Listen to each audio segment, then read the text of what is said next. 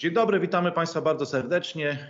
E, Zbliżamy się do setnego dnia wojny na Ukrainie, a dzisiaj naszym i Państwa gościem będzie e, postać znana, słynny bloger, e, autor książki poświęconej stosunkom międzynarodowym, szeroko pojętej geopolityce i wojskowości, Krzysztof Wojczal. Witam Pana bardzo serdecznie. E, Witam, dziękuję za zaproszenie. Dzień dobry Państwu. Ja dziękuję bardzo za przyjęcie zaproszenia i cieszę się, że będziemy mogli porozmawiać o, o tych pierwszych już prawie 100 dniach konfliktu e, na Ukrainie, wojny, agresji rosyjskiej e, na ten kraj. Pan jest autorem książki, nie wiem, czy ma Pan ją może przy sobie i mógłby Pan ją pokazać. No właśnie zostawiłem w drugim pokoju, także Ale wiele osób tą książkę zna i Pan tam przewidywał scenariusze w, przed wybuchem tego konfliktu. E, Jak pan ocenia te pierwsze kilkadziesiąt dni, no nie tylko jakby z tej sfery, w tej sferze wojskowości, ale, ale też no, szeroko pojętych stosunków międzynarodowych, to co pan zobaczył za naszą wschodnią granicą w ostatnich kilkudziesięciu dniach? Co się sprawdziło, co się nie sprawdziło, co pana zaskoczyło, a co nie było dla pana absolutnie żadnym zaskoczeniem?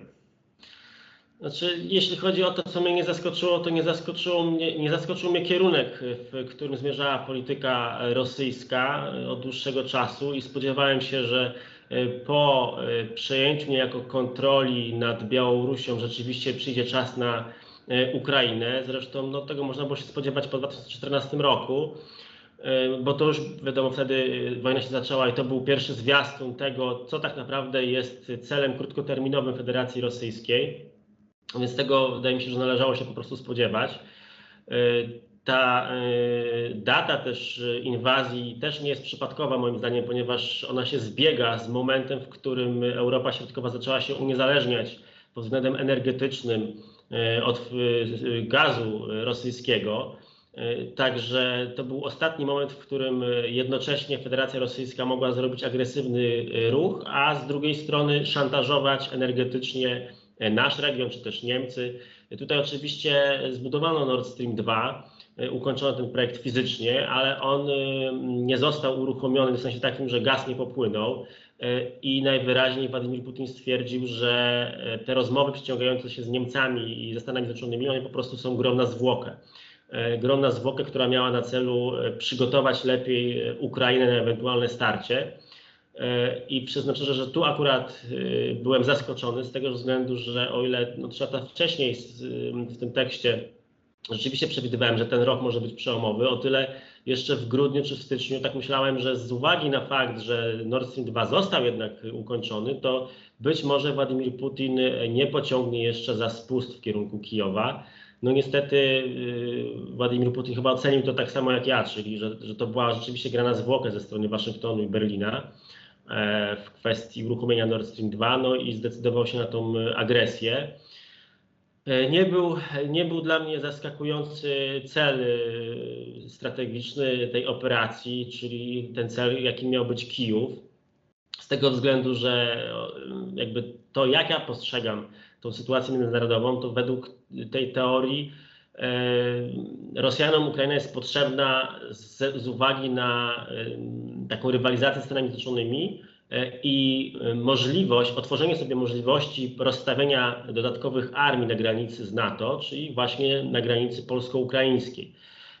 I o ile wcześniej, przed tą inwazją lutową, na Ukrainie było zaangażowanych dwa korpusy armijne rosyjskie, plus w zasadzie dwie armie, można powiedzieć, o tyle gdyby udało się Rosjanom na przykład w te trzy dni, które planowali to zrobić, przejąć kontrolę nad Kijowem, no to mogliby bez strat rozmieścić te same wojska, czyli no prawdopodobnie co najmniej jedną armię, jeden korpus armijny, właśnie na dwóch kierunkach ukraińskich. I to wywarłoby pewnego rodzaju presję polityczną na Stanach Zjednoczonych jako gwarantowi bezpieczeństwa w kontekście całego NATO. I to mogłoby postawić taki szant przed, przed szantażem Amerykanów, że albo prowadzicie z nami drugą wojnę i będziecie musieli wysłać do Europy Środkowej e, dużo, e, dużą ilość jednostek, co będzie was bardzo mocno kosztowało, a macie w perspektywie jeszcze rywalizację z Chinami, no albo zgodzicie się na nasze warunki, czyli taki deal, e, my uzależniamy Europę Zachodnią od surowców energetycznych, możemy kupować zachodnie technologie, dzięki którym będziemy rozwijać zbrojenia, a jednocześnie będziemy rozwijać wydobycie bo z tym mają problem Rosjanie, wydobycie surowców energetycznych z rejonu arktycznego i jednocześnie chcemy zgody politycznej na partnerstwo Berlin-Moskwa jako być może nową siłę w międzynarodowym, wielowektorowym układzie sił. E, I tak chcieli, wydaje mi się, że Rosjanie właśnie nacisnąć w ten sposób, dlatego właśnie Ukraina e, i dlatego takie, a nie inne działania. Przy czym też e, chyba wszyscy podkreślali, że no Ukraina niezależna od Rosji już osłabia Moskwę, a jednocześnie pozycję Moskwy na arenie międzynarodowej, a jednocześnie Ukraina, która dążyłaby do Unii Europejskiej i do NATO, co zresztą było widoczne no to była zagrożeniem z perspektywy Kremla. Także no tak mniej więcej to, to wyglądało. No dobrze, ale to czy nie zaskakuje Pana fakt, że e, Rosja dążyła do tej wielowektorowej polityki, jak Pan to określił, tych relacji z Niemcami, a potem zaatakowała frontalnie Ukrainę, e, no i w ten sposób jakby pogrzebała tą, e, tą, tą możliwość. No bo jeżeli chciałaby taką politykę realizować, to atak na Ukrainę był chyba ostatnią rzeczą, której, którą należało w tej sytuacji zrobić. To jedno pytanie, które chciałem Pana zadać, a drugie to odnośnie tej y, Białorusi, bo obserwowaliśmy też w 2021 roku y, no, ruchy na tej granicy z Polską y, i wygląda na to, że w ogóle sytuacja na froncie, na tych polach bitewnych Ukrainy rozstrzygnie przyszły status Białorusi i w ogóle przyszłość tego kraju również, który jak na razie broni się przed wejściem do tego konfliktu. I czy uważa Pan, że gdyby nie atak na Ukrainę, to Rosja jednak uzyskałaby pewną możliwość e, wpływania na sytuację w krajach NATO, czy to Polski, czy, e, czy Litwy chociażby też, z którą Białoruś też sąsiaduje, i że sytuacja geopolityczna w tym regionie też by się zmieniła, gdyby Putin nie zdecydował się jednak iść na, na rympał i Ukrainy atakować?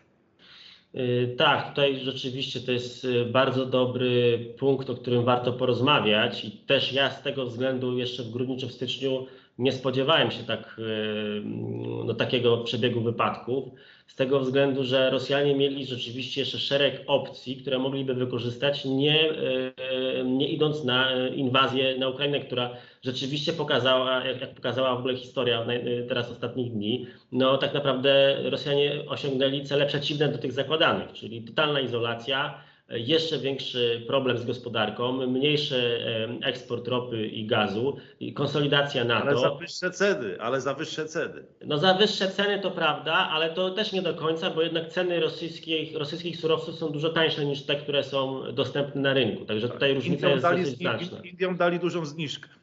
Tak, dali dużą zniżkę. No ale y, jakby y, sam kierunek, sam proces jest niekorzystny dla Rosjan. To znaczy proces jest taki, że Zachód y, stara się uniezależnić jak najbardziej od rosyjskiego szantażu ewentualnego, czy, czy już w zasadzie tego, który został postawiony. Jednocześnie NATO się skonsolidowało. Finlandia, Szwecja składają akces do NATO, także to wszystko dzieje się nie po myśli Rosji. I rzeczywiście... Zobaczymy, co jeszcze zrobi Erdogan.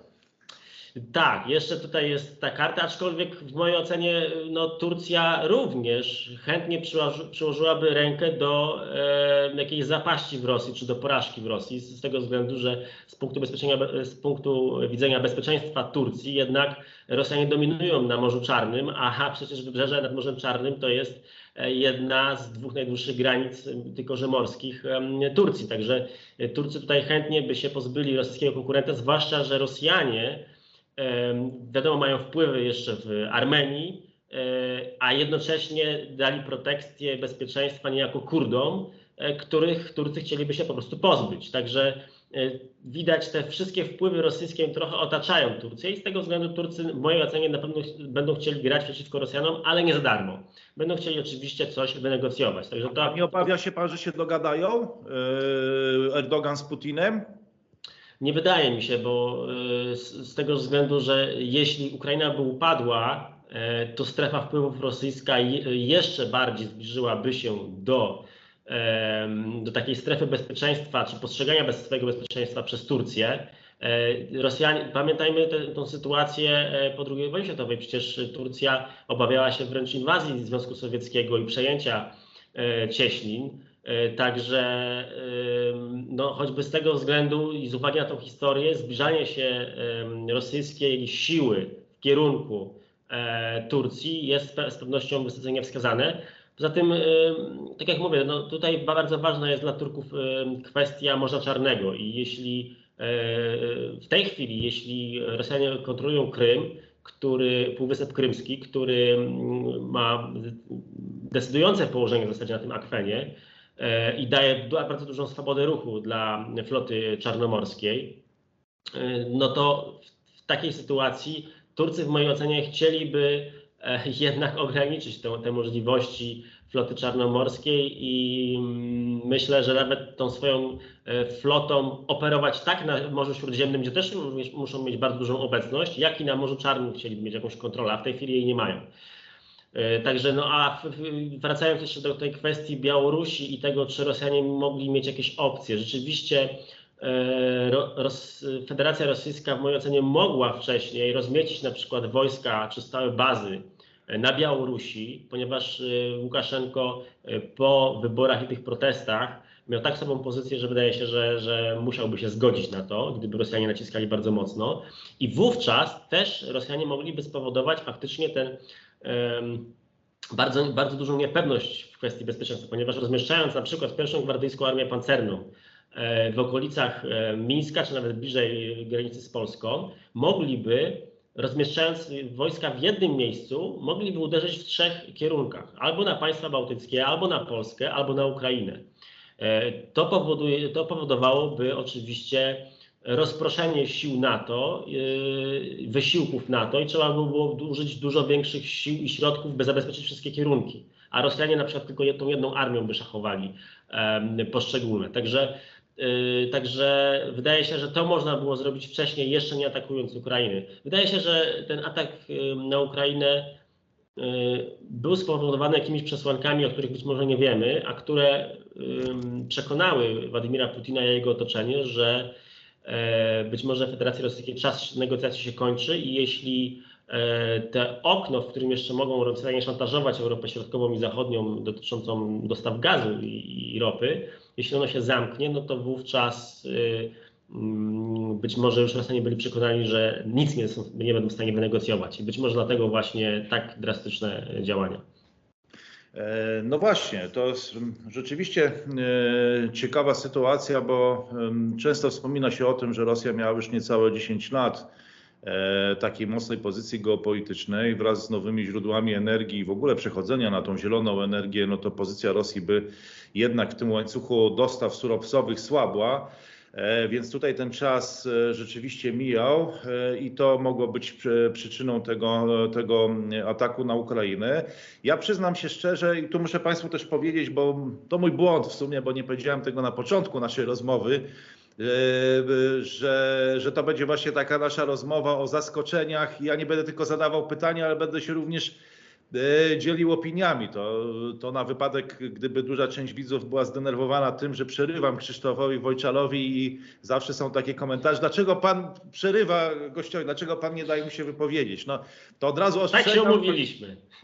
Tak się umówiliśmy i taka jest formuła tego programu. Mój błąd, że nie powiedziałem tego na samym początku e, że oczywiście wiele zadawałem te pytania, bo to mnie ciekawi, e, ale też stety lub niestety no, wyrażę też i swoje opinie na ten temat, co mnie zaskoczyło, a co mnie nie zaskoczyło, to przyznam szczerze, że jednak ten atak Rosji mnie osobiście zaskoczył, bo ja uważałem, że Rosja powinna być z tego konsensusu, który e, osiągnęła zadowolona, dlatego że przynajmniej bogaci ludzie w Rosji no, kupowali sobie przysłowiowe wille w, na Lazurowym Wybrzeżu, wysyłali dzieci na studia do Oksfordu, a swoje aktywa lokowali w bankach szwajcarskich. I to pomimo tego, że Rosja była krajem agresywnym, no, która przecież zaatakowała Gruzję w 2008 roku, czy Ukrainę po raz pierwszy w 2014, ale najwyraźniej elity polityczne w Moskwie doszły do wniosku, że to się nie opłaca, chociaż zawarto dobre kontrakty, no ale ale zdecydowano się ten konsens zerwać. Dla mnie to, no więc jest to zaskoczenie i też nie jest, e, ale jednak dla mnie przeważa uczucie zaskoczenia w tym wypadku. To po pierwsze. Po drugie też przyznam się panu, chociaż tam pan akurat może to skomentować, pewnie obserwując te kwestie wojskowe i znając się na nich znacznie bardziej niż ja, że nie spodziewałem się takiego oporu Ukraińców. E, chyba wszyscy zakładali, mam wrażenie, i też mi się tak wydawało, że że Kijów, jeżeli już Rosjanie się zdecydowali na to rozwiązanie siłowe, to nie utrzyma się pewnie dłużej niż 3 czy 7 dni, a to okazało się, że Ukraińcy są, są świetnie przygotowani, świetnie wyszkoleni i po prostu e, utrzymali się i utrzymują się już blisko 100 dni, więc to e, przyznam szczerze, że jest e, dla mnie dużym zaskoczeniem. Także to, że Rosja okazała się dużo słabsza chyba niż wszyscy myśleli, mi wydawało się również, że jest, że jest, że jest mocniejsza. Zaskoczyła mnie też, przyznam się panu i państwu, zaciekłość obu stron. Niesamowita. I to, że Ukraińcy się nie poddają, E, że walczą w taki sposób e, i to nie tyle sama armia, co w ogóle całe społeczeństwo, e, że tak bardzo jest jakby w tym zjednoczone, także na tych obszarach rosyjskojęzycznych. Tego się nie spodziewałem i przyznam się szczerze, że zaciekłość też widzę po drugiej stronie, po tej rosyjskiej. Wydawało mi się, że kiedy, no chyba trzeba tak to powiedzieć, wojska rosyjskie skompromitowały się pod Kijowem, kiedy tam po prostu przyjechały E, pod miasto i wydawało im się, że szybko, szybko tą stolicę zdobędą, a to nie nastąpiło, mm, e, no to Rosjanie się teraz widzę, że zabrali chyba systematycznie za, e, za ten podbój Ukrainy i starają się założyć jej taką pętlę na szyi i odciąć ją tam chyba od Morza właśnie Czarnego i to jest taka wojna na wyniszczenie i wydawało mi się, że skoro to się nie udało w pierwszych dniach wojny, to że, że zostanie to uznane za kompromitację i że w jakiś sposób to nie tyle osłabi morale w ogóle armii e, rosyjskiej, co doprowadzi do jakichś, do jakichś zmian czy przewartościowań e, w Rosji, a nic takiego się nie stało. Społeczeństwo rosyjskie też zareagowało w taki sposób, który może być zaskakujący. No, okazało się fanatycznie popierać tą linię i to nawet gdyby Putin chyba ustąpił, e, no to znalazłby się ktoś inny, kto by tą linię polityczną realizował i społeczeństwo chyba najwyraźniej też tego chce. Ja tutaj obwiniałem o to, nie wiem, czy pan też uważa, że winien, winny za to jest Aleksander Dugin, no bo on właściwie to wszystko sformułował czy skodyfikował. E, może nie tyle wymyślił czy sformułował, ale, ale jakby ubrał w idee pewne polityczne. I właściwie Władimir Putin, którego postrzegaliśmy jako takiego no, twórcę tej imperialnej Rosji, on jest tylko wykonawcą. Gdyby on się rozchorował albo zniknął w tajemniczych okolicznościach, no to prawdopodobnie i tak zostałby zastąpiony przez kogoś innego, czy to przez Naryszkina, czy tam są różnego rodzaju inne, inne no, przypuszczenia, e, czy, czy, czy różne osoby się obstawia, inne kandydatury. E, I to były takie rzeczy, które mnie osobiście e, zaskoczyło. Czy pana te rzeczy również zaskoczyły? Ten opór Ukraińców, ta słabość Rosji, ta zaciekłość obu stron i ta reakcja społeczeństwa rosyjskiego? No i jeszcze, jeszcze, był, jeszcze była ta satysfakcja z dotychczasowego dealu. To może najpierw od tego.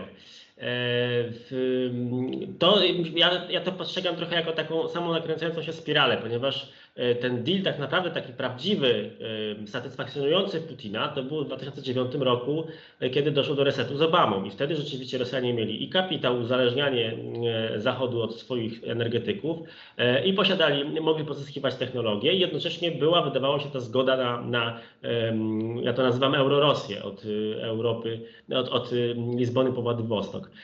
No ale wydaje się, że tutaj na tym Bliskim Wschodzie Władimir Putin postanowił zagrać coś więcej, Później wiadomo, postawił się w Syrii jako przeciwnik Stanów Zjednoczonych, no i, no i ten reset prysł w 2013-2014 roku. E, I wydaje mi się, że od tego momentu Rosjanie próbują jakby ugrać coś więcej cały czas, ale nie, nie dochodzi do nich fakt, że oni w zasadzie z każdym swoim agresywnym działaniem e, no, na długofalowo długofalowo przyczyniają się do skutków właśnie przeciwnych, bo oni używając siły ta taktyka była, ta, ta, strategia postępowania na arenie międzynarodowej byłaby właściwa, gdyby druga strona ulegała natychmiast tej sile czy tej presji.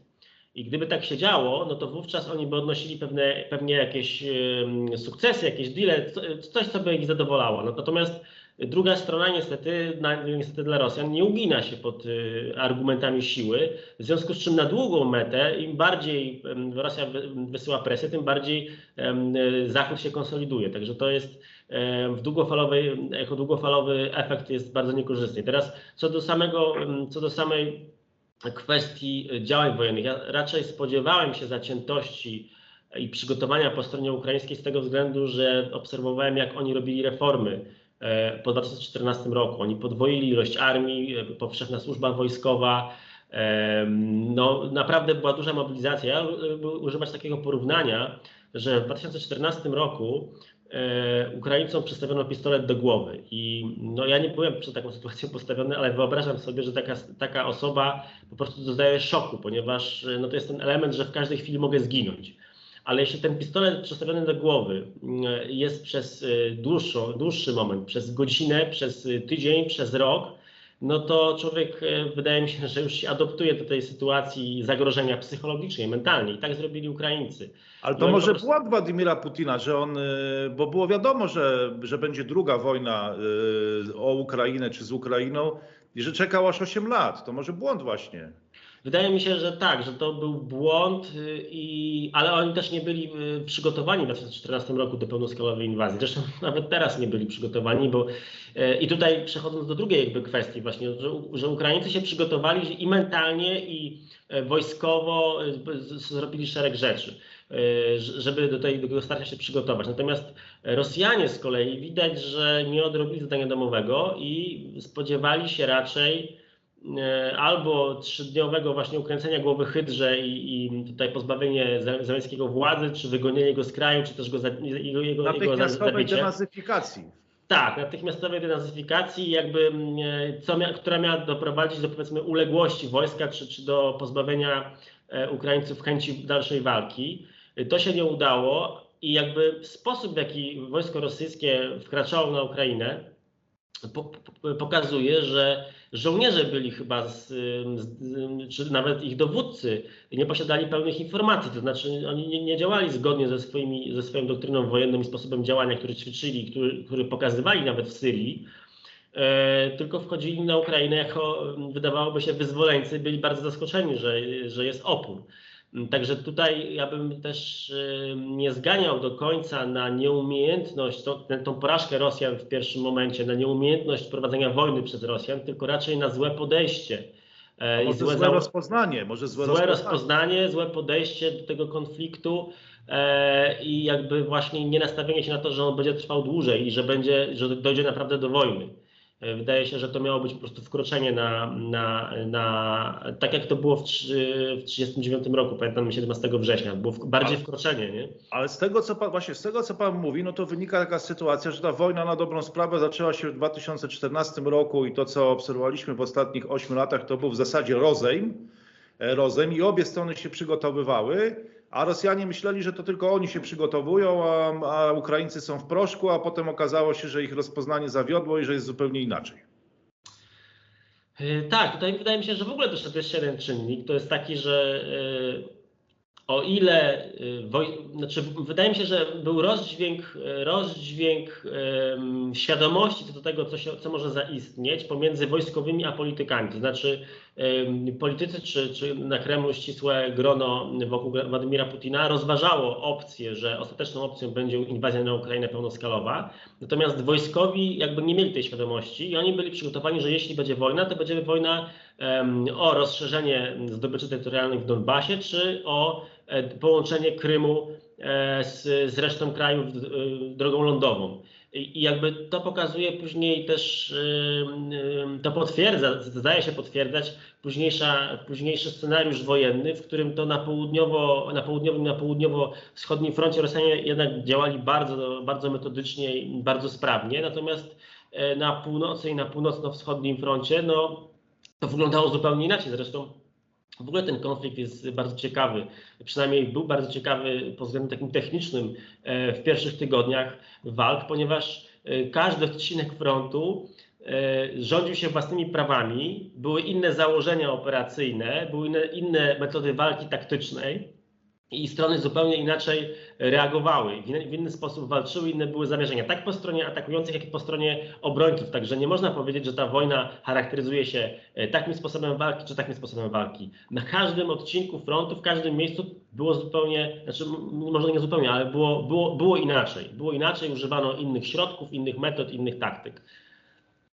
Mhm.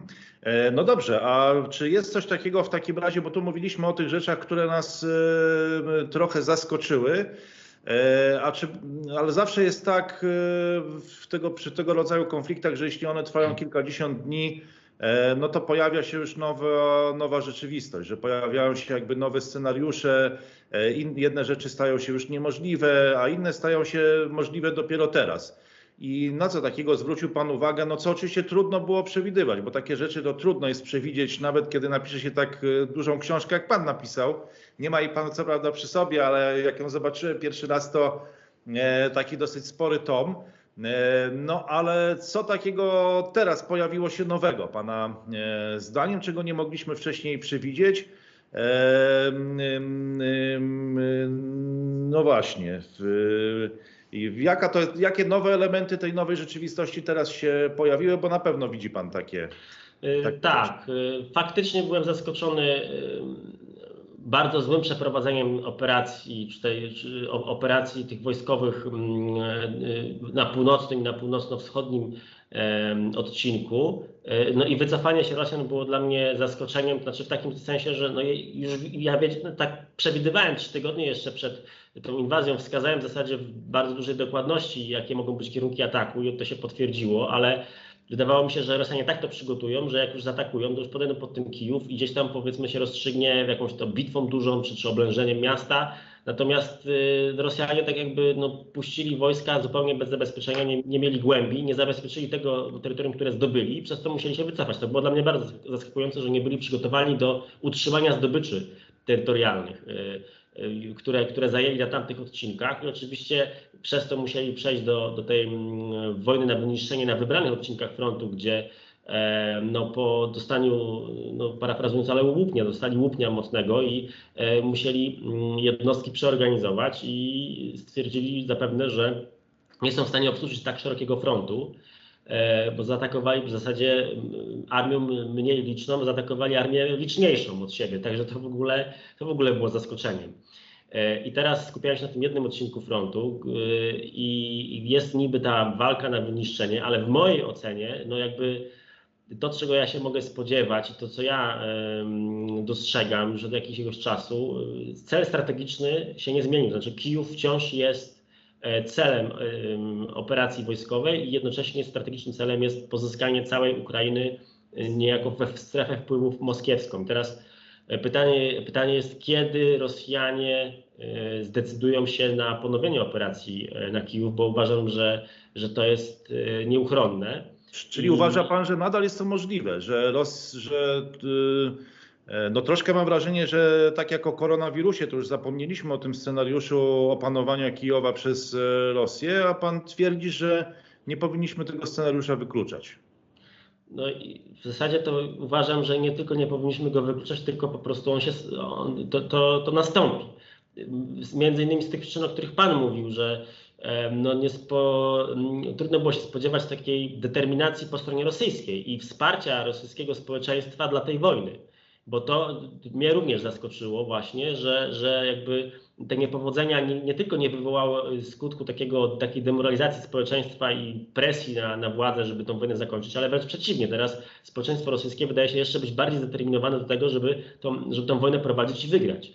E, I w tym kontekście już nie mówię o tym, że jakby władze Federacji Rosyjskiej, czy to Rosji w jakiejkolwiek postaci, bo pamiętajmy, że to od Iwana Groźnego przez Stalina, e, dzisiaj po Putina, środki i metody są te same, czyli te brutalne e, rzezie i to, to jakby to cały czas jest aktualne niestety tam i niestety to ma poparcie społeczne, jak widać.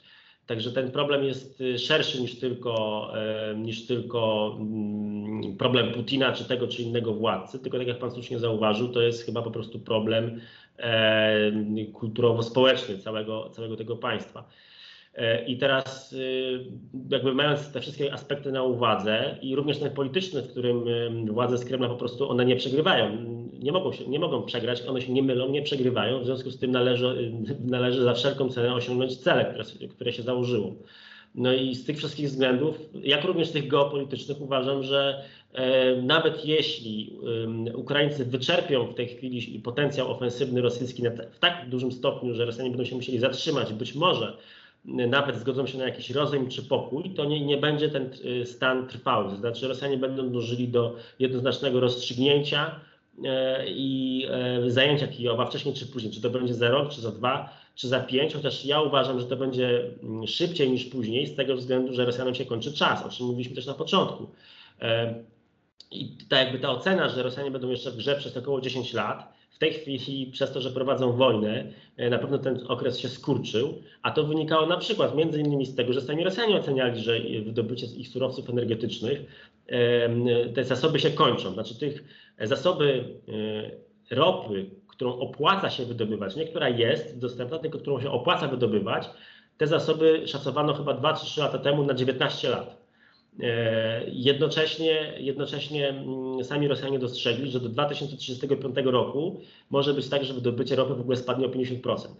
Czyli z tych wszystkich względów im po prostu naprawdę kończy się, e, kończy się czas i kończy się pole manewru, dlatego używają środków siłowych i dlatego wydaje mi się, że nie zaprzestaną. Po prostu nie zaprzestaną, bo w tej chwili e, walczą o wszystko, i sami sobie zawiesili w zasadzie, w zasadzie ten miecz Demoklesa nad swoją głową. E, I sami teraz w tej chwili wywarli na siebie jeszcze większą presję z tego względu, że właśnie są te sankcje z Zachodu, jest odcinanie się od surowców energetycznych rosyjskich. Przecież jeśli Rosjanie przestaną eksportować mm, ropę czy gaz z, z, z rejonu około arktycznego, no to przy minusowych temperaturach ta cała infrastruktura ulegnie zniszczeniu i nie będzie powrotu już do, do, do tego stanu sprzed, e, sprzed nawet kilku miesięcy.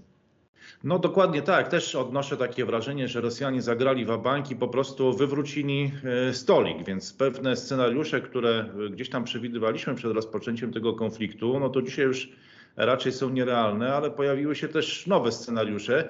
Przyznam się panu, że mnie też bardzo interesują te, które się zrealizowały, bo często to nie były te, którym jakby przypisywaliśmy największą, e, największe, największe prawdopodobieństwo, a jednak tak się stało. No przede wszystkim widzę, że w konsekwencji tych ostatnich kilkudziesięciu dni mm, to też uaktywniła się rola tego świata pozaeuropejskiego, bo Rosja została w wyniku tych sankcji, no jednak e, te relacje mm, mocno ze światem zachodu się rozluźniły, więc mamy chociażby tłumy ludzi w Stambule czy w Dubaju, gdzie Podobno ceny nieruchomości mocno poszły w górę, bo ta wyższa klasa średnia i, i wyższa klasa rosyjska no już tak swobodnie sobie po Europie Zachodniej nie może podróżować, więc to chociażby jest ta jedna zmiana. No i ogólnie też mam wrażenie, że ten świat pozaeuropejski pokazał swoją jakby to określić, może siłę to byłoby może określenie trochę na wyrost, ale duże znaczenie, bo nie, nie mówię tutaj absolutnie o głosowaniach w Radzie e, na Zgromadzeniu Ogólnym Organizacji Narodów Zjednoczonych, no ale chociażby Indie, które no, skwapliwie skorzystały z tej okazji zakupu rosyjskiej ropy po 30% e, zniżce, no Chiny oczywiście też, kraje Zatoki Perskiej, więc wielu szczególnie tych producentów ropy także zyskało na znaczeniu. No i rozpoczęła się rozgrywka także już globalna, międzynarodowa, gdzie niektóre z tych krajów właśnie e, pozaeuropejskich uzyskały duże znaczenie e, i stworzył się nowy, e, nowy układ. Mnie osobiście trochę zaskoczyło to, że że, że bardziej zdecydowanie nie zaangażowały się Chiny, to znaczy one zaangażowały się propagandowo i jeżeli patrzymy na przekaz, no nie tyle już nawet w mediach e, chińskich, który jest skierowany do odbiorców wewnętrznych, ale to, co Chiny mówią na e, poziomie międzynarodowym, to często jest to powielanie tej e, narracji rosyjskiej, że Rosja miała uzasadnione przyczyny, pewne obawy, które spowodowały jej interwencję, czy też legł podstaw tej operacji specjalnej. No ale generalnie jakiegoś takiego większego zaangażowania nie widać, a początki była ta długa rozmowa w Rzymie między przedstawicielami Stanów Zjednoczonych i Chin, która chyba jakby e, rzeczywiście zamknęła pewien etap i Chiny tak mocno się w ten konflikt nie zaangażowały. E, wydaje mi się, że trochę zaskoczony jestem tym, że maleje prawdopodobieństwo wariantu fińskiego, czyli takiej zwycięskiej wojny Ukrainy, która zgodzi się na, e, na akceptację utraty części swojego terytorium, no ale jakby się wybroni. E, co ja uważam, że byłoby zwycięstwem dla Ukrainy. No ale przedstawiciele państwa ukraińskiego konsekwentnie mówią, i to już chyba wszyscy od Dmytro Kułeby po e, prezydenta Zełęskiego, po braci Kliczków e, i po Michajło Podoliaka i w ogóle wszystkie oświadczenia, że żadnej ziemi ukraińskiej nie oddamy. Zresztą w tym samym duchu mówił w Radzie Werchownej Ukrainy prezydent Andrzej Duda, że to byłaby kompromitacja Zachodu, gdyby do tego dopuszczono. No, co oznacza, że scenariusz fiński e, jego prawdopodobieństwo jest dużo niższe. Zresztą za chwilę już przekroczymy te 104 dni, a tyle trwała ta wojna zimowa między Związkiem Radzieckim a Finlandią. E, to mnie troszkę zaskoczyło. No i jednak muszę przyznać, że E, to jest dobry scenariusz dla Stanów Zjednoczonych, które nie zostały bezpośrednio zaangażowane w ten konflikt, czyli jest no, wsparcie, no, broń przesyłana, wsparcie wywiadowcze, które doprowadziło do likwidacji, nie wiem, pan pewnie będzie wiedział lepiej, ośmiu generałów e, rosyjskich. E, Teraz już chyba jest około dziesięciu, tak mi się wydaje, coś mi się obiło. No właśnie, już chyba dziesięciu, ale to poza tym nie tylko generałowie, ale też wielu innych oficerów wysokiego szczebla, dzięki tym danym wywiadowczym wywiadowczym e, no, było namierzanych i, i likwidowanych przez Ukraińców. E, no ale to nie zmienia faktu, że NATO jakby bezpośrednio e, się nie zaangażowało albo nie zostało zaangażowane, co mogło być też niepomyślnie Chin, no bo te mogły na przykład obstawiać taki wariant. Nie wiem, czy Węgry takiego wariantu nie obstawiały, że Kijów na przykład padnie i to stworzy zupełnie nową sytuację geopolityczną w regionie. No a mamy inną sytuację, mamy długotrwałą wojnę ukraińsko-rosyjską i to tworzy no ciekawe scenariusze, chociażby ciekawe jak ciekawe, no bo, bo w sumie to może nie będzie nam wcale do śmiechu jesienią, jak się rozpocznie ten kryzys żywnościowy e, albo kryzys na rynku surowców również E, no ale w każdym razie scenariusz Blitzkriegu się nie zrealizował. To, co mnie osobiście dziwi, to, to to, że ten scenariusz fiński również tutaj chyba nie będzie miał zastosowania, bo Ukraińcy nie chcą słyszeć o, o jakimś kompromisie, o jakiejś utracie swojego terytorium i chyba też nie ma się co im do końca dziwić, bo, bo pewnie gdyby dzisiaj, nie wiem czy pan też podziela ten pogląd, ale pewnie gdyby dzisiaj Rosja zadowoliła się wyrąbaniem tego korytarza tam od Mariupola do, do Donbasu, to potem i tak będzie następna pewnie wojna i pewnie, e, pewnie już trzecia wojna ukraińsko-rosyjska, więc pewnie w tym sensie, no, tak jak twierdzą Ukraińcy, no, ten rozejm pewnie nie miałby, e, nie miałby, nie miałby sensu. Ja tylko jeszcze, wie pan co, w część jakby swojej wypowiedzi o tym, co mnie zaskoczyło i co nie zaskoczyło, ale też stworzyło pewne nowe scenariusze, to wydaje mi się, że stworzyło to też nowy scenariusz nowego społeczeństwa, bo okazało się i Federacja Rosyjska to pokazała, że nie trzeba inwestować w rozwój społeczeństwa, ale jeżeli się zainwestuje w propagandę, to przynosi to no, te skutki, o których tutaj mówimy, tak? że społeczeństwo jest y, jakby absolutnie przekonane do tego, że, e, że tą wojnę należy kontynuować, że to jest wojna w obronie jakby rosyjskich interesów E, I wydaje się, że to może spowodować też pewne zmiany globalne, że wiele rządów może też dojść do tego przekonania, że tak naprawdę warto inwestować w propagandę bardziej niż, nie wiem, w rozwój społeczeństwa, albo że ten właściwy performance, tak zwany performance, używam tego może takiego języka korporacyjnego, no nie odgrywa tak istotnej roli jak to, na ile to społeczeństwo uda się e, no, przemodelować. To myślę, że tutaj Rosjanie pokazali, że w XXI wieku no, to, to ten model e, no, może, mieć, e, no, może mieć też e, zastosowanie. No i właśnie, no i tutaj chyba, chyba kwestia podstawowa no to jest taka, na jakich warunkach ten pokój może zostać zawarty. Czy pan, pan stwierdził, że spodziewa się pan, że, że długo to nie potrwa, że raczej jest pan zwolennikiem tej tezy, że, że będziemy dążyć do jakiegoś rozejmu, może nie pokoju, ale rozejmu. No ale pytanie właśnie, jak ta postawa Ukraińców, rzeczywiście bohaterska i taka, po której nikt się nie spodziewał, którzy zostali tutaj wsparci no, i wojskowo, zbrojeniowo i wywiadowczo, no i stawili niesamowity opór. No i teraz czy poradzą sobie z pokojem i czy wygrają pokój? I czy i szybko będziemy do tego pokoju i rozejmu dążyć? Jak, jak to panu się klaruje z, pa, z pana oceny?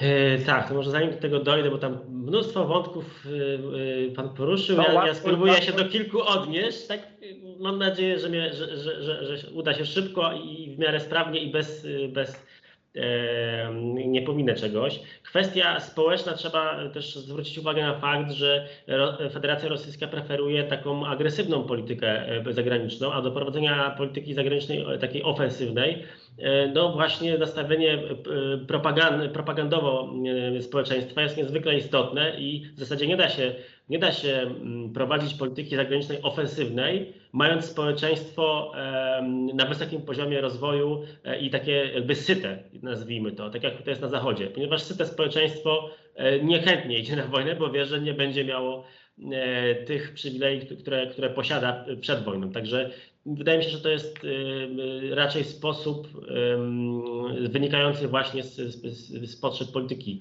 zagranicznej. Ale wie pan co, jeszcze pozwoli pan, że panu wejdę trochę w słowo i w ogóle mam wrażenie, że rola propagandy okazała się ogromna, bo tak, chociażby tak. prezydent Zełejski, no świetna polityka komunikacyjna Ukraińców i to w jaki sposób on e, komunikował, ubrany w ten wojskowy strój, e, z tym zarostem, zachrypniętym głosem, w ogóle życiowa, życiowa rola Zełęskiego i myślę, że ta skuteczność tutaj na tym polu informacyjnym też była e, ogromna nie tylko po stronie rosyjskiej, ale też wydaje mi się, że chyba nawet bardziej ukraińskiej, która, bo to Rosjan uważano za speców od wojny informacyjnej, a Ukraińcy się przebili ze tak. swoim przekazem jeszcze bardziej, ale to tylko taka mała dygresja. Tu się, tu, tu się oczywiście zgodzę. Y, kwestia Rosji i, i, tego szerszego spojrzenia. Y, Rosja zaangażowana na, mm, w konflikcie na Ukrainie to tak naprawdę w, na arenie międzynarodowej łakomy kąsek.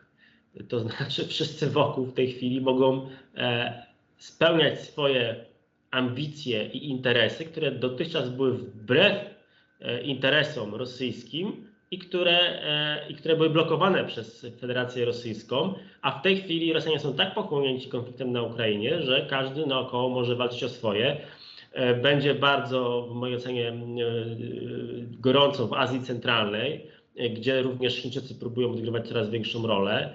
No już e, było w Kazachstanie, no, że tak do końca nie wiadomo, co tam się stało tak naprawdę. Tak, tak. Także, także w, na Kaukazie być może się znowu karty rosyjskie jeszcze bardziej osłabią. Już widać nad Bałtykiem e, Szwecja, Finlandia. Także e, całe, cały ten limitrow, jak to nazywają Rosjanie, zaczyna im się sypać z tego względu, że oni tak się mocno zaangażowali w, w długi już konflikt, znaczy dużo dłuższy niż zakładali co zresztą jest ciekawe, że wydaje się, że Chińczycy wiedzieli o tym wcześniej, przed Olimpiadą w Pekinie, e, o tym konflikcie i pewnie byli, pewnie byli e, tak można spekulować, że, że byli powiadomieni, że ten konflikt nie potrwa długo, przejmiemy nad Ukrainą kontrolę, puścimy przez Ukrainę wasze produkty na zachód, wszystko będzie e, grało, muzyka, my, my będziemy mieli wpływy, wy będziecie dalej zarabiać. A tu się okazuje, że, że konflikt jest dużo dłuższy i Chińczycy chyba sami nie są z tego powodu jakoś specjalnie zadowoleni.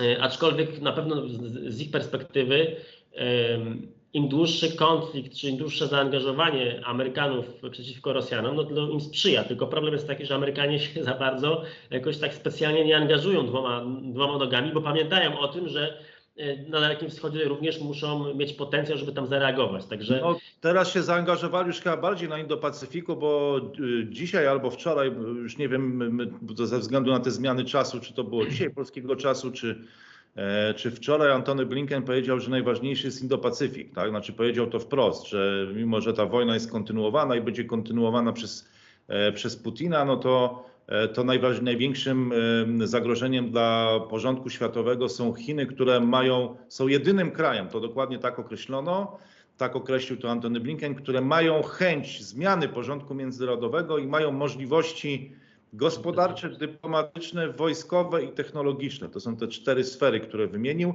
zmiany tego porządku globalnego. Czyli pomimo tego, że, a może właśnie dlatego, że ta wojna tak długo trwa na Ukrainie i się przeciąga, i Ukraińcy jakby tutaj no, zatrzymali Rosjan, e, no to Antony Blinken już tutaj wprost powiedział o tym, że Indo-Pacyfik jest tym, e, tym, e, tym obszarem najważniejszym, a mogło być rzeczywiście inaczej, gdyby się zrealizował ten scenariusz, o którym rozmawiamy od początku dzisiaj, czyli, czyli upadek Kijowa i wtedy mogło być inaczej. No ale, ale ten, no właśnie, ale to nie wiem, czy, czy to jeszcze możemy do tego scenariusza wrócić. No, Sprawy no się ja, trochę komplikują.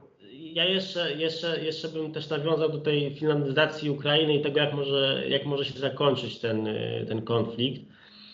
Ja uważam, że nawet w najbardziej optymistycznym dla Ukraińców wariancie e, oni e, rzeczywiście stracą Donbas. To znaczy, no, nie, w mojej ocenie nie będą w stanie odbić Donbasu, ponieważ tam są dwa duże miasta, Donieck i Ługańsk więc e, co innego jest bronić się, a co innego jest atakować i oblężyć takie duże miasta, o czym przekonali się przecież Rosjanie i wydaje mi się, że będą bronili tych, tych zdobyczy terytorialnych, które były poczynione w 2014 roku. Także tutaj wydaje się, tutaj jestem sceptykiem. Bardzo, o wiele mm, bardziej widzę odbicie Krymu, Półwyspu Krymskiego. Co Podobno może trudno być... go utrzymać.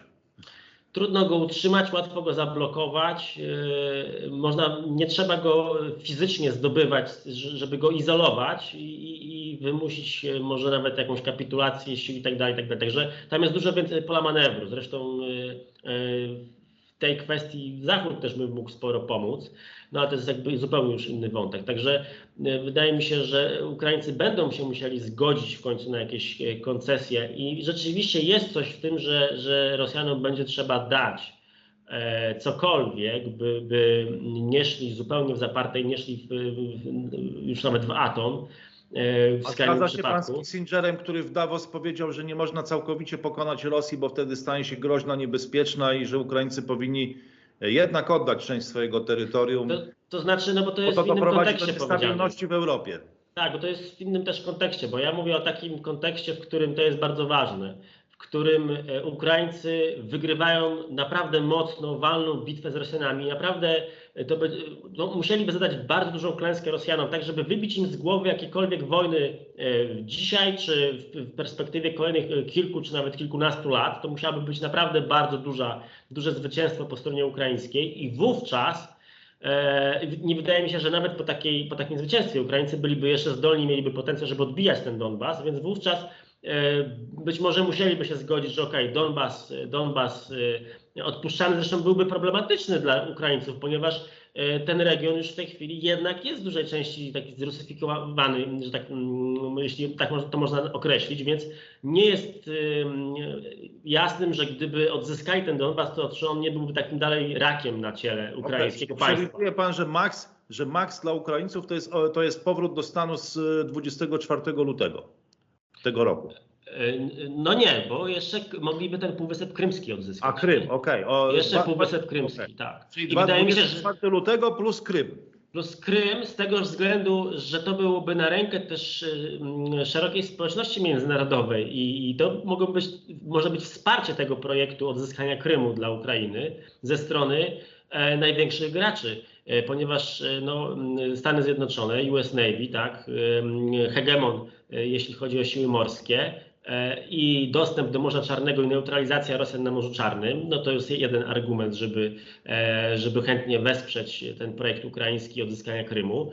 Turcy, jak już mówiliśmy na początku, e, są bardzo zainteresowani tym, by pozbawić flotę czarnomorską baz w Sewastopolu, także E, Rumuni oczywiście byli, w tym, byli tutaj zainteresowani. E, no, Bułgarzy to już tam mają mniejsze znaczenie, ale generalnie Wielka Brytania byłaby z pewnością tutaj też wsparciem dla stanowiska amerykańskiego. Także generalnie odzyskanie Krymu nie byłoby takie trudne, a jednocześnie miałoby spore poparcie, e, spore poparcie, jeśli chodzi o państwa trzecie.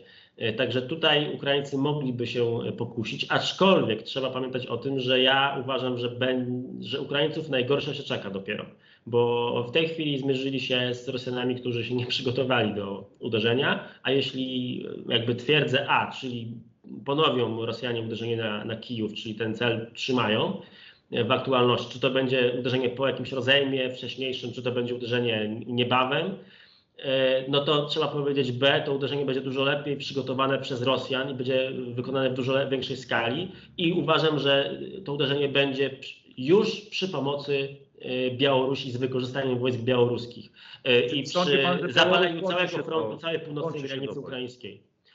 Tak, i, i w tym kontekście Ukraińcy będą w bardzo trudnej sytuacji. Także, także to moje stanowisko względem stanowiska Kissingera jednak jest E, dosyć skrajnie inny, ponieważ on teraz mówi, że, że no na, na, ten moment Ukraińcy powinni się zgodzić i, e, i podpisać rozejm i zrzec się jakichś terytoriów, co w mojej ocenie doprowadzi do tego, że mm, atak zostanie ponowiony wcześniej czy później. E, więc to Ukraińcom nic nie da.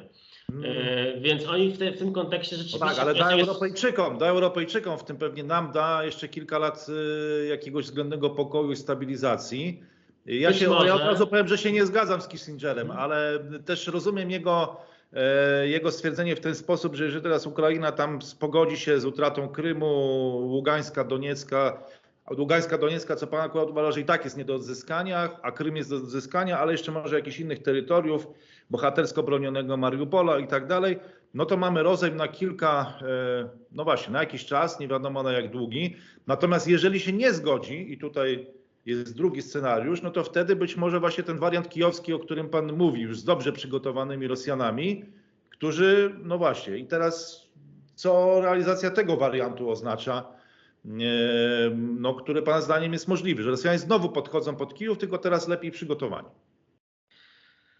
No i tutaj, e, tutaj pytanie jest, kiedy to się stanie i czy do tego momentu armia ukraińska utrzyma swój potencjał, ponieważ no, oni liczebnie teraz są, to jest, nie oszukujmy się, to jest wojna masowa. Po stronie ukraińskiej od samego początku nastawiali się na wojnę masową i ta wojna masowa rzeczywiście istnieje. Ostatnio prezydent Zełański powiedział chyba o 700 tysiącach. Wydaje mi się, że to są szacunki zawyżone, ale nawet jeśli to podzielimy e, nieco i powiedzmy załóżmy, że jest 400-500 tysięcy żołnierzy ukraińskich, to widać, że jaka to jest skala konfliktu.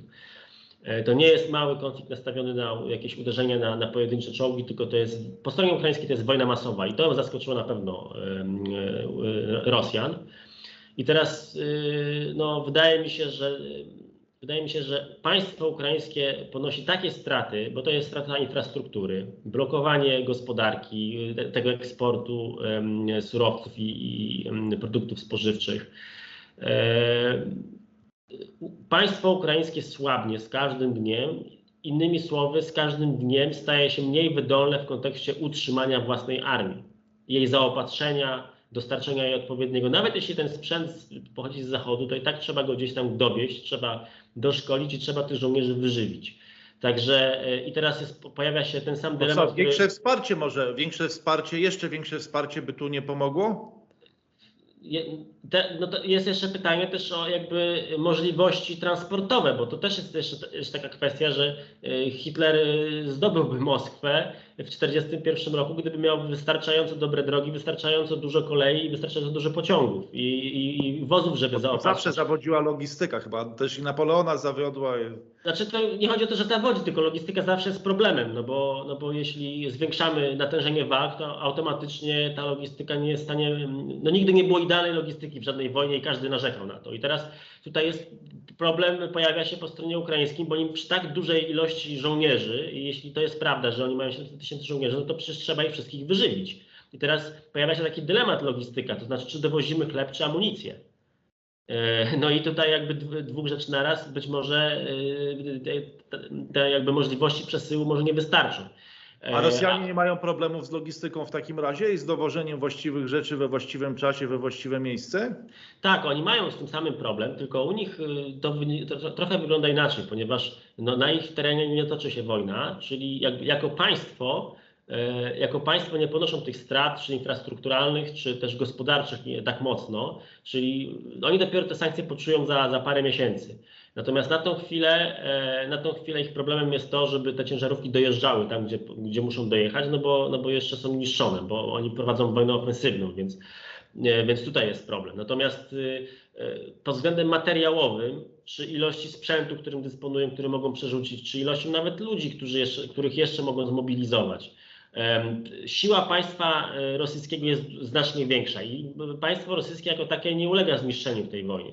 Także w wojnie takiej na wyniszczenie między państwami wydaje się, że Rosjanie mają jednak dużo większą przewagę i ta pomoc słana z zachodu, no to ona zawsze będzie miała swój jakiś limit górny, e, a pytanie jest, czy będzie wystarczająca, żeby chociaż utrzymać ten potencjał ukraiński na takim samym poziomie. Więc wydaje mi się, że tutaj e, Ukraińcy mogą mieć problem już pojawiają się pierwsze filmiki, gdzie gdzie, gdzie pewne oddziały ukraińskie mówią, że nie jest dobrze.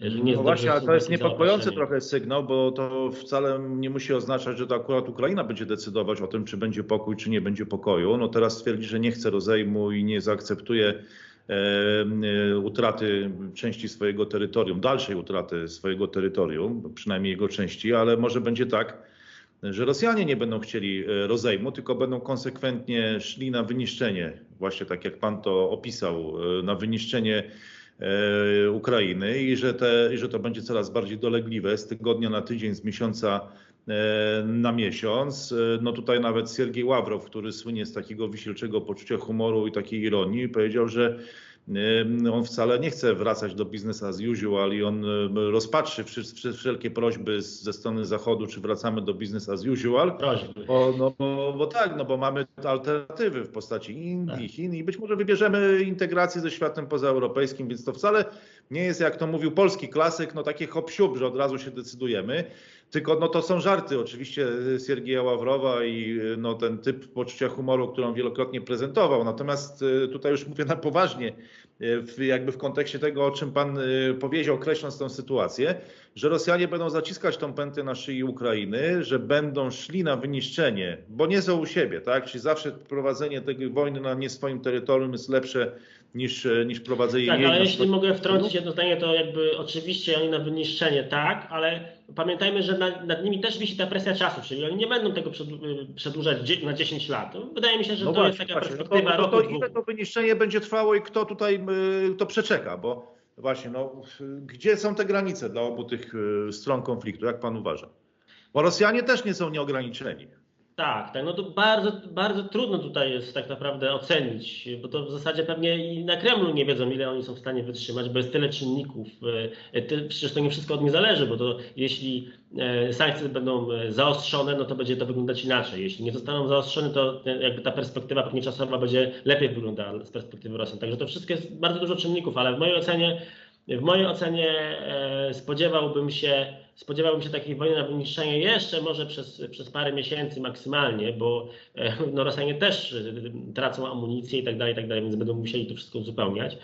E, I wydaje mi się, że, że takim realnym, być może najwcześniejszym, chociaż może Rosjanie zaskoczą nas nie mile i zrobią to wcześniej, ale wydaje mi się, że taki styczeń, luty to może być ponowienie uderzenia na Kijów, tak żeby to szybko rozstrzygnąć już, że, że po tym e, będą chcieli wyniszczyć e, Ukrainę w ciągu paru miesięcy, a później mając w perspektywie tą presję i ich problemy wewnętrzne w Rosji i te sankcje, żeby jednak zakończyć tę sprawę szybciej, żeby szybciej, żeby szybciej zaszantażować jako Stany Zjednoczone o tym, o czym wcześniej mówiliśmy, czyli w tej grze takiej już o ten deal rosyjsko-amerykański, prawda? A ciekawy jest, że wątek jest jakby mógł bo tu Pan tak zarysował, a, a, a myślę, że warto, warto się jeszcze do tego szerzej odnieść do kwestii chińskiej. E, bo ja uważam, że e, chińskie wsparcie, a nawet neutralność, taka jaką dzisiaj to postrzegamy, czy to widzimy, e, Chin, ona nie będzie trwała w nieskończoność i ja jestem w stanie zaryzykować tezę, że Chińczycy będą gotowi wystawić Rosjan Amerykanom. E, z tego względu, że mm, oczywiście nie za darmo i przed, przed tym e, zapewne dojdzie do jakiegoś spięcia między Chinami a Stanami Zjednoczonymi.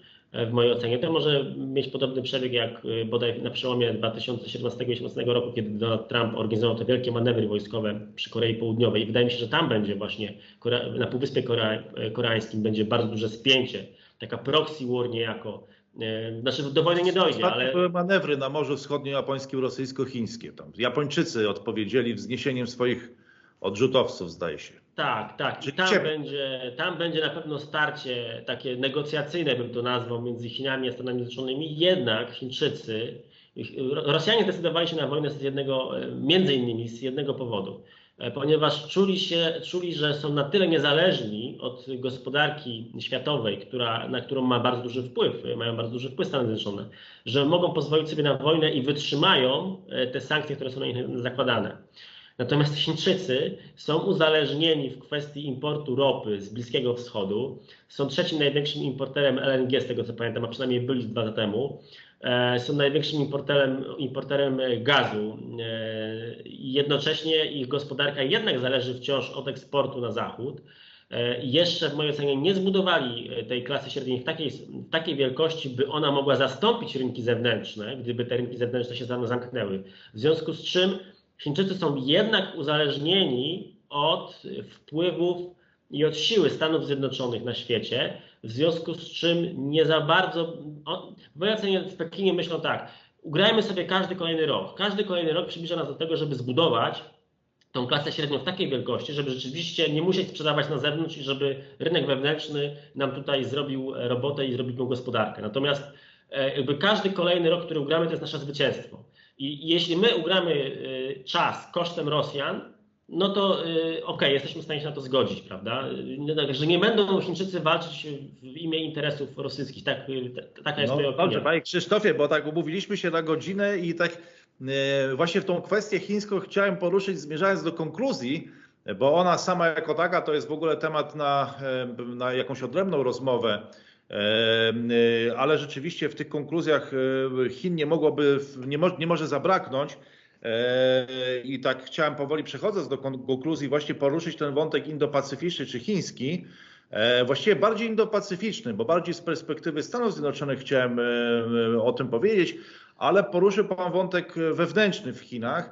E, I tak, no niewątpliwie Chiny pokazały się jako taki kraj, który siedzi na wzgórzu i obserwuje walczące tygrysy, więc bezpośrednio nie chcą się zaangażować, czekają na rozwój sytuacji. Więc E, zobaczymy, jak ta sytuacja się rozwinie. Myśmy dzisiaj też mówili o wielu różnych scenariuszach, o tym, e, czy będzie rozejm, czy będzie pokój, na jakich warunkach, czy Rosjanie przesuną front. Więc jest tu jeszcze wiele znaków zapytania. E, też nie znamy skutków e, tego przedłużającego się konfliktu wojennego na wyniszczenie, bo nie wiemy, jakie będą skutki tego kryzysu żywnościowego. Dla Polski chyba one nie będą takie bardzo dolegliwe, ale dla krajów globalnego południa już tak i globalnie na pewno będzie to duży wpływ. Zobaczymy jeszcze, e, jak będzie na rynku surowców wyglądała sytuacja i uchodźcy. To akurat uchodźcy no jeżeli tak jak pan mówi o tym, że są, są na stole te scenariusze o przesunięciu frontu, to uchodźcy również mogą się pojawić w tej części świata i w Polsce, generalnie też. Natomiast jeżeli mówimy o Chinach, to ja akurat mam książkę, którą napisałem, e, e, jak odnieść sukces w świecie biznes w Chinach, gdzie mówimy też między innymi o tej kwestii budowania tej klasy średniej, więc ja się tą książką pochwalę, bo akurat ją mam przy sobie e, w czasie tej naszej rozmowy.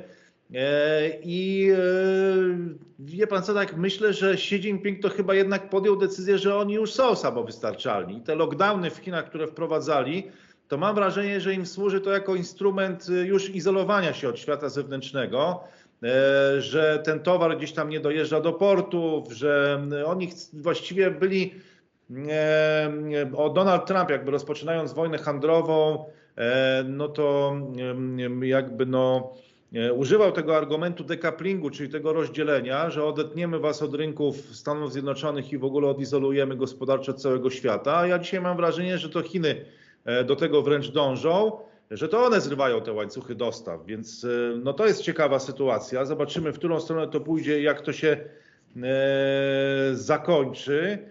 Jeśli no bo mógł słowa na ten temat. Tak, właśnie. E, bo, bo to jest, tak, bo pan słusznie zauważył, że to jest jakby decyzja Xi Jinpinga i jakby ich perspektywa. I teraz pytanie, na ile e, władze w Pekinie dobrze oceniają sytuację. No bo właśnie, no, władze autorytarne. To, to przy, to, bo to znowu to samo co Rosja, Ukraina. No kto się przeliczy? Oni e, uważają, że Zachód się przeliczy, a pewnie ludzie na Zachodzie uważają, że Chin.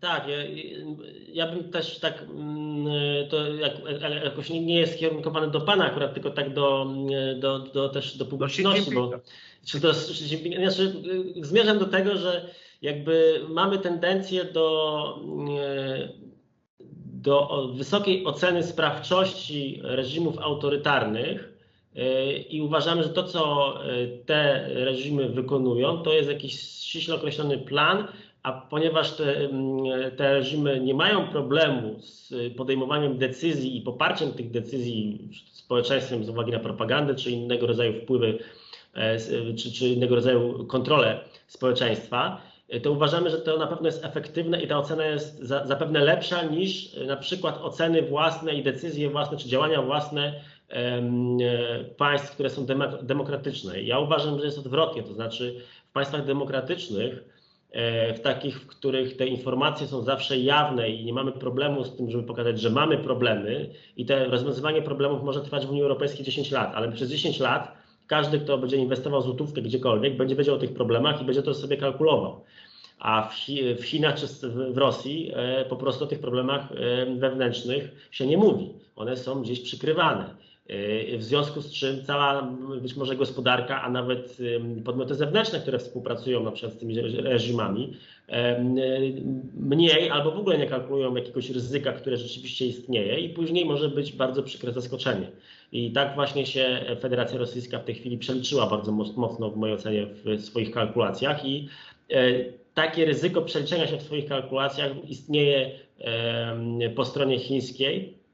E, tylko tutaj jest ciężko a dopuszcza Pan taką możliwość, że to są rzeczywiście dane niejawne, tylko że Chiny wręcz e, nawet ukrywają swoje możliwości, że nie tylko, że się przeliczyły ze swoimi możliwościami, ale je ukryły, tak jak Ukraińcy na przykład też ukryli swoje możliwości. To może jest nie tak jak jest, czy nie tak jak się uważa, ale w drugą stronę. Znaczy, ja mam zupełnie odwrotne wrażenie. To znaczy, yy, zwykło się mawiać, że Chińczycy postępują w ten sposób zgodnie z, z, z zasadami Sun Tzu, tak? Czyli jeśli jesteśmy silni, udajemy słabych, jeśli jesteśmy słabi, udajemy silnych, a w ostatnich latach przecież Chińczycy bardzo mocno udawali silnych. E, i robili bardzo wiele rzeczy, żeby, żeby grać przeciwko Stanom Zjednoczonym. E, I w związku z tym, no to jest oczywiście taka pół żartem, pół serio, bo trudno jest na podstawie takich powiedzonek budować jakieś geopolityczne później oceny czy analizy, ale e, no tutaj jednak poruszamy się w świecie spekulacji, bo nie wiemy, czego nie wiemy w przypadku Chin czy no, Zawsze dowiadujemy się, dowiadujemy się, kiedy już przychodzi co do czego, tak? Kiedy... Tak, ja tutaj lubię posługiwać się tym przykładem e, właśnie COVID-u, gdzie jakby mm, sytuacja pokazała, że partia Chin stawia wyżej, e, wyżej, władze Chin stawiają wyżej swój interes czy interes partii ponad interes państwowy w taki sposób, że skoro przez dwa miesiące nie robiono nic e, z tym wirusem, który e, prawdopodobnie no, jednak z laboratorium z Wuhan się wydobył, no to pokazuje, że, że, par, że partia stwierdziła, że może nic nie robimy, bo to spadnie na. Jeśli będzie jakaś pandemia, to ktoś może oskarżyć partię i wtedy, wtedy partia będzie. Nie, partia to państwo w Chinach akurat. Partia to no, oni, tak to trakt, oni tak to traktują, ale być może tutaj chcieli wizerunek partii po prostu chronić. Tak, tak ja to oceniam. I przez dwa miesiące po prostu nie zrobili nic, a to, że nie zrobili nic, to tak naprawdę groziło w zasadzie naprawdę. Yy, no gdyby to była jakaś dżuma współczesna, no to, no to Chiny być może już by się z tego nie podniosły. Ale także... obawiam, się, obawiam się, że skoro nawet przedstawiciele WHO chyba ostatecznie nie, zgadnie, nie osiągnęli konsensusu co do tego, jak to tam naprawdę było, to my dzisiaj również tego nie rozstrzygniemy w tej naszej rozmowie, skoro nawet Światowa Organizacja Handlu, y, przepraszam, Światowa Organizacja Zdrowia e, do żadnych wniosków e, takich ogólnie akceptowanych przez wszystkich nie doszła. E, no tak, no, moglibyśmy się zastanawiać, no, czy Chiny są silniejsze niż pokazują, czy słabsze niż pokazują. E, na razie się. Ja zwróciłbym, na... przepraszam, zwróciłbym uwagę na takie e, dwa aspekty, może jeszcze na konkretach coś powiem. Przede wszystkim przed jeszcze COVID-em na chińskie PKB, jedną trzecią chińskiego PKB robił handel ogólnie. Wiadomo, że większość, większość PKB chińskiego to były inwestycje. Ale zwróciłbym uwagę tutaj na fakt, że o ile inwestycje e, pomiędzy e, na przykład tymi dużymi metropoliami chińskimi, one się zwracają, te, te koleje e, czy budowane drogi, to pracuje na siebie, bo transport robi pieniądze, więc jeśli transport ma się jak poruszać, to wiadomo, że są zyski. Ale Chińczycy bardzo dużo inwestują w infrastrukturę na zachodzie kraju, czyli na tej biedniejszej części Chin, po to, żeby niejako wydobyć tym programem chińskim, prawda, e, wydobyć czy, czy zrównać może poziomy życia e, w Chinach.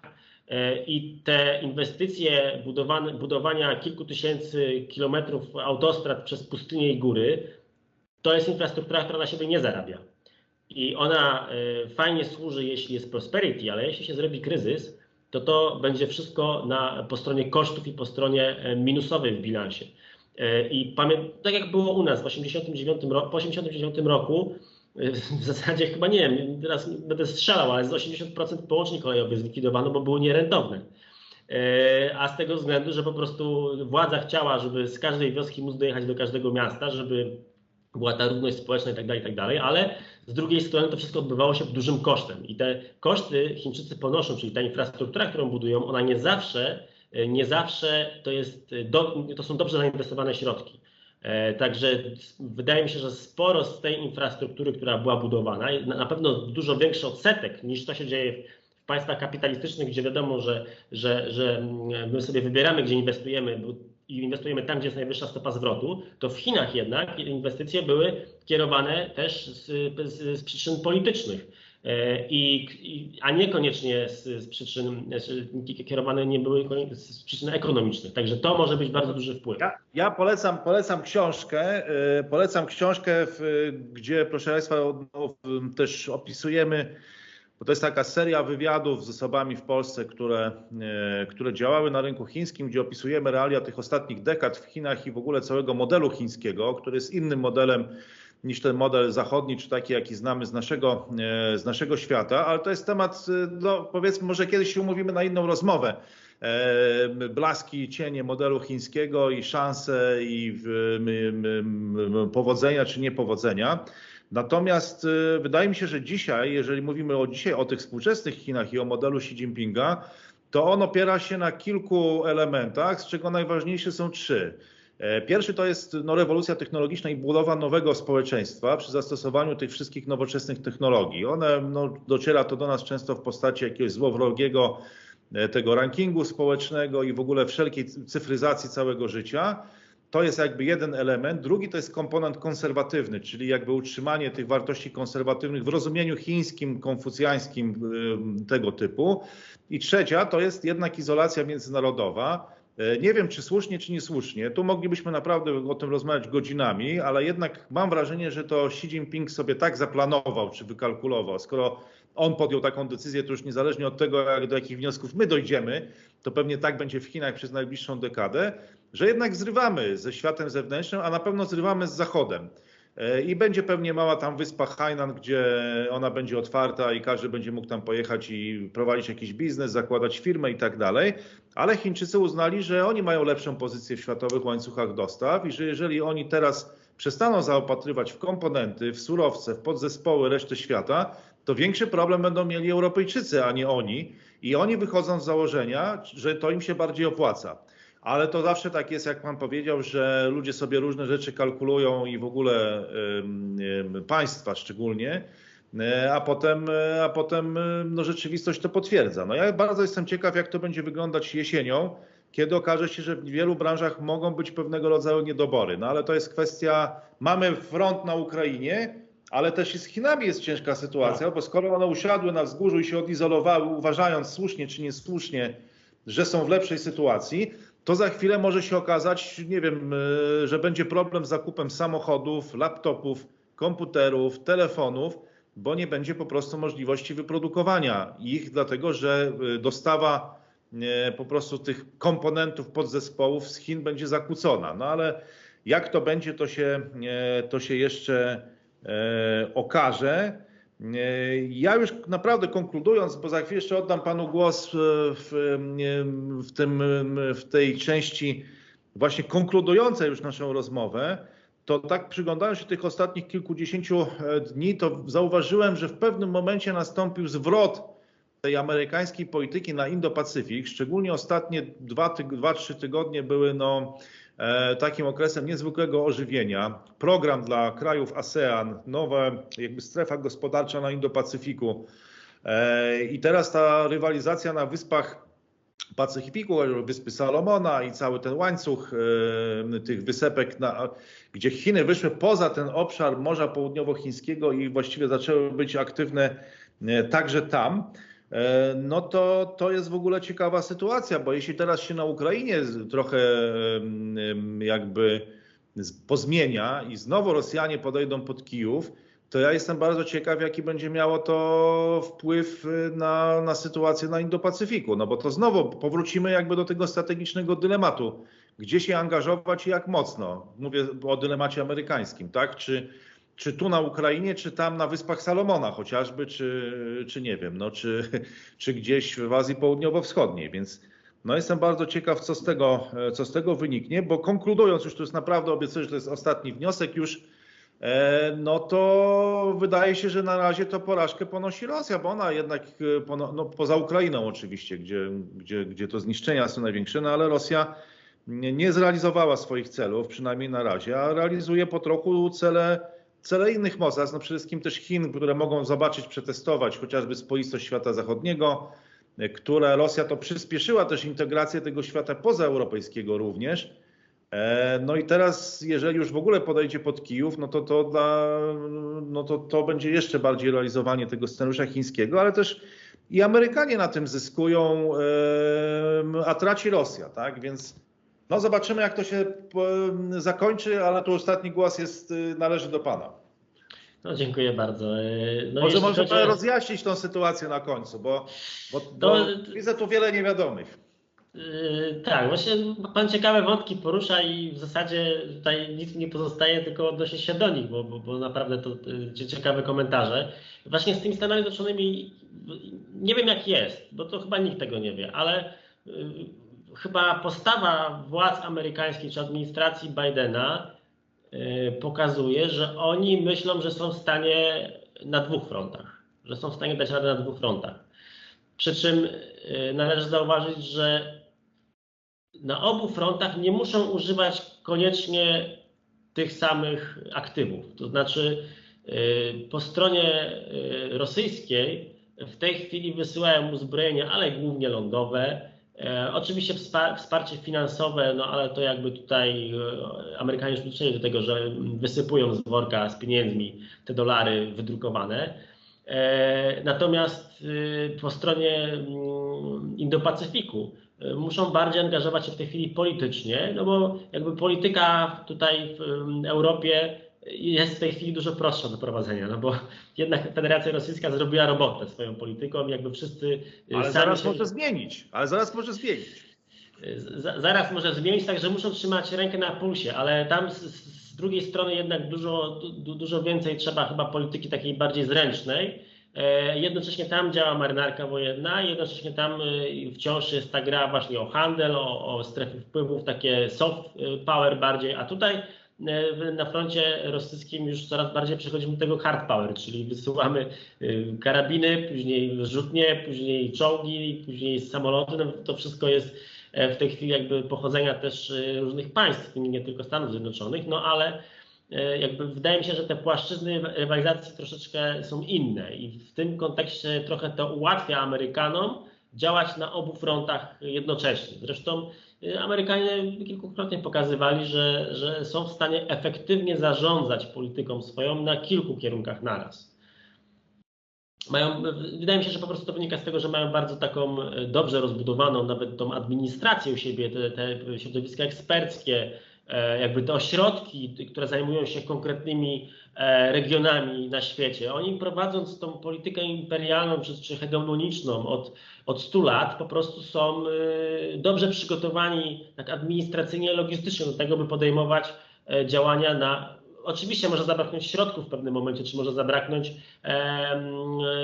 czy to militarnych, czy właśnie finansowych, ale jako administracja i jako pewnego rodzaju zaplecze E, intelektualne, oni są w stanie, są w stanie obsługiwać, wydaje mi się, że w różnych, no, na różnych no, bez wątpienia muszę panu przyznać, muszę panu powiedzieć, że, że w, no, śledziłem dokładnie dokumenty amerykańskie w ostatnich e, tygodniach i te propozycje, które formułują dla krajów Azji no niewątpliwie jest to wysoka jakość, tak? I widać, że no, ten kraj jest imperium już od kilkudziesięciu lat E, wiele takich programów przeglądałem i wiele tego typu dokumentów i ten wyglądał na bardzo przemyślany, e, na bardzo przemyślany, więc widać tam, e, no, że myślało nad tym wielu ludzi i że to nie jest taka prosta rzecz przygotować 28-punktowy plan chociażby dla Azji Południowo-Wschodniej. Widać było tam rzeczywiście dużą taką intelektualną jakość, no ale no cóż, ale jak będzie, to zobaczymy, bo mogą się w ogóle role odwrócić. Być może tutaj zostanie zawarty pokój, a, a wybuchnie coś na Indo-Pacyfiku, czy to na Wyspach Salomona, czy e, na przykład Fidżi, taki kraj, który dzisiaj przystąpił do tej amerykańskiej gospodarczej inicjatywy, właśnie Indo-Pacific Economic Framework, tak, bo to jest nowa gospodarcza inicjatywa w tamtym regionie świata. Więc rzeczywiście bardzo dużo się e, dzieje. E, no i cóż, to było podsumowanie takich pierwszych prawie 100 dni e, konfliktu na Ukrainie. I teraz uważa Pan, e, już konkludując, co będzie najważniejsze? Najważniejsze pytanie, jakie Pan by teraz sobie zadał. Które rozstrzygnięcie będzie najważniejsze? Czy dołączenie Białorusi do wojny? czy to, czy kto przełamie kogo, kto wytrzyma bardziej tą wojnę na wyniszczenie? Jakie jest teraz kluczowe pytanie? Gdyby Krzysztof Wojczal, autor książki Trzecia dekada, o której tutaj cały czas rozmawiamy, że jesteśmy w nowej rzeczywistości, że ta trzecia dekada XXI wieku no chyba będzie kluczowa, to jakie jest kluczowe pytanie na dziś, e, na koniec maja 2022 roku? Jak daleko są w stanie posunąć się państwa Zachodu i NATO, by uratować Ukrainę? Okej, okay. W porządku. No to ja zadaję w takim razie pytanie, jak rozwinie się sytuacja na Indo-Pacyfiku, jakie będą jej reperkusje i skutki dla bezpośredniego otoczenia e, Polski, w tym właśnie też i na Ukrainie. I tymi pytaniami już kończymy. Także bardzo, e, bardzo, bardzo dziękuję panu za rozmowę. Ja dziękuję za zaproszenie. Dziękuję bardzo i wszystkiego dobrego. Życzymy również Państwu miłego weekendu, dużo zdrowia. Kłaniamy się.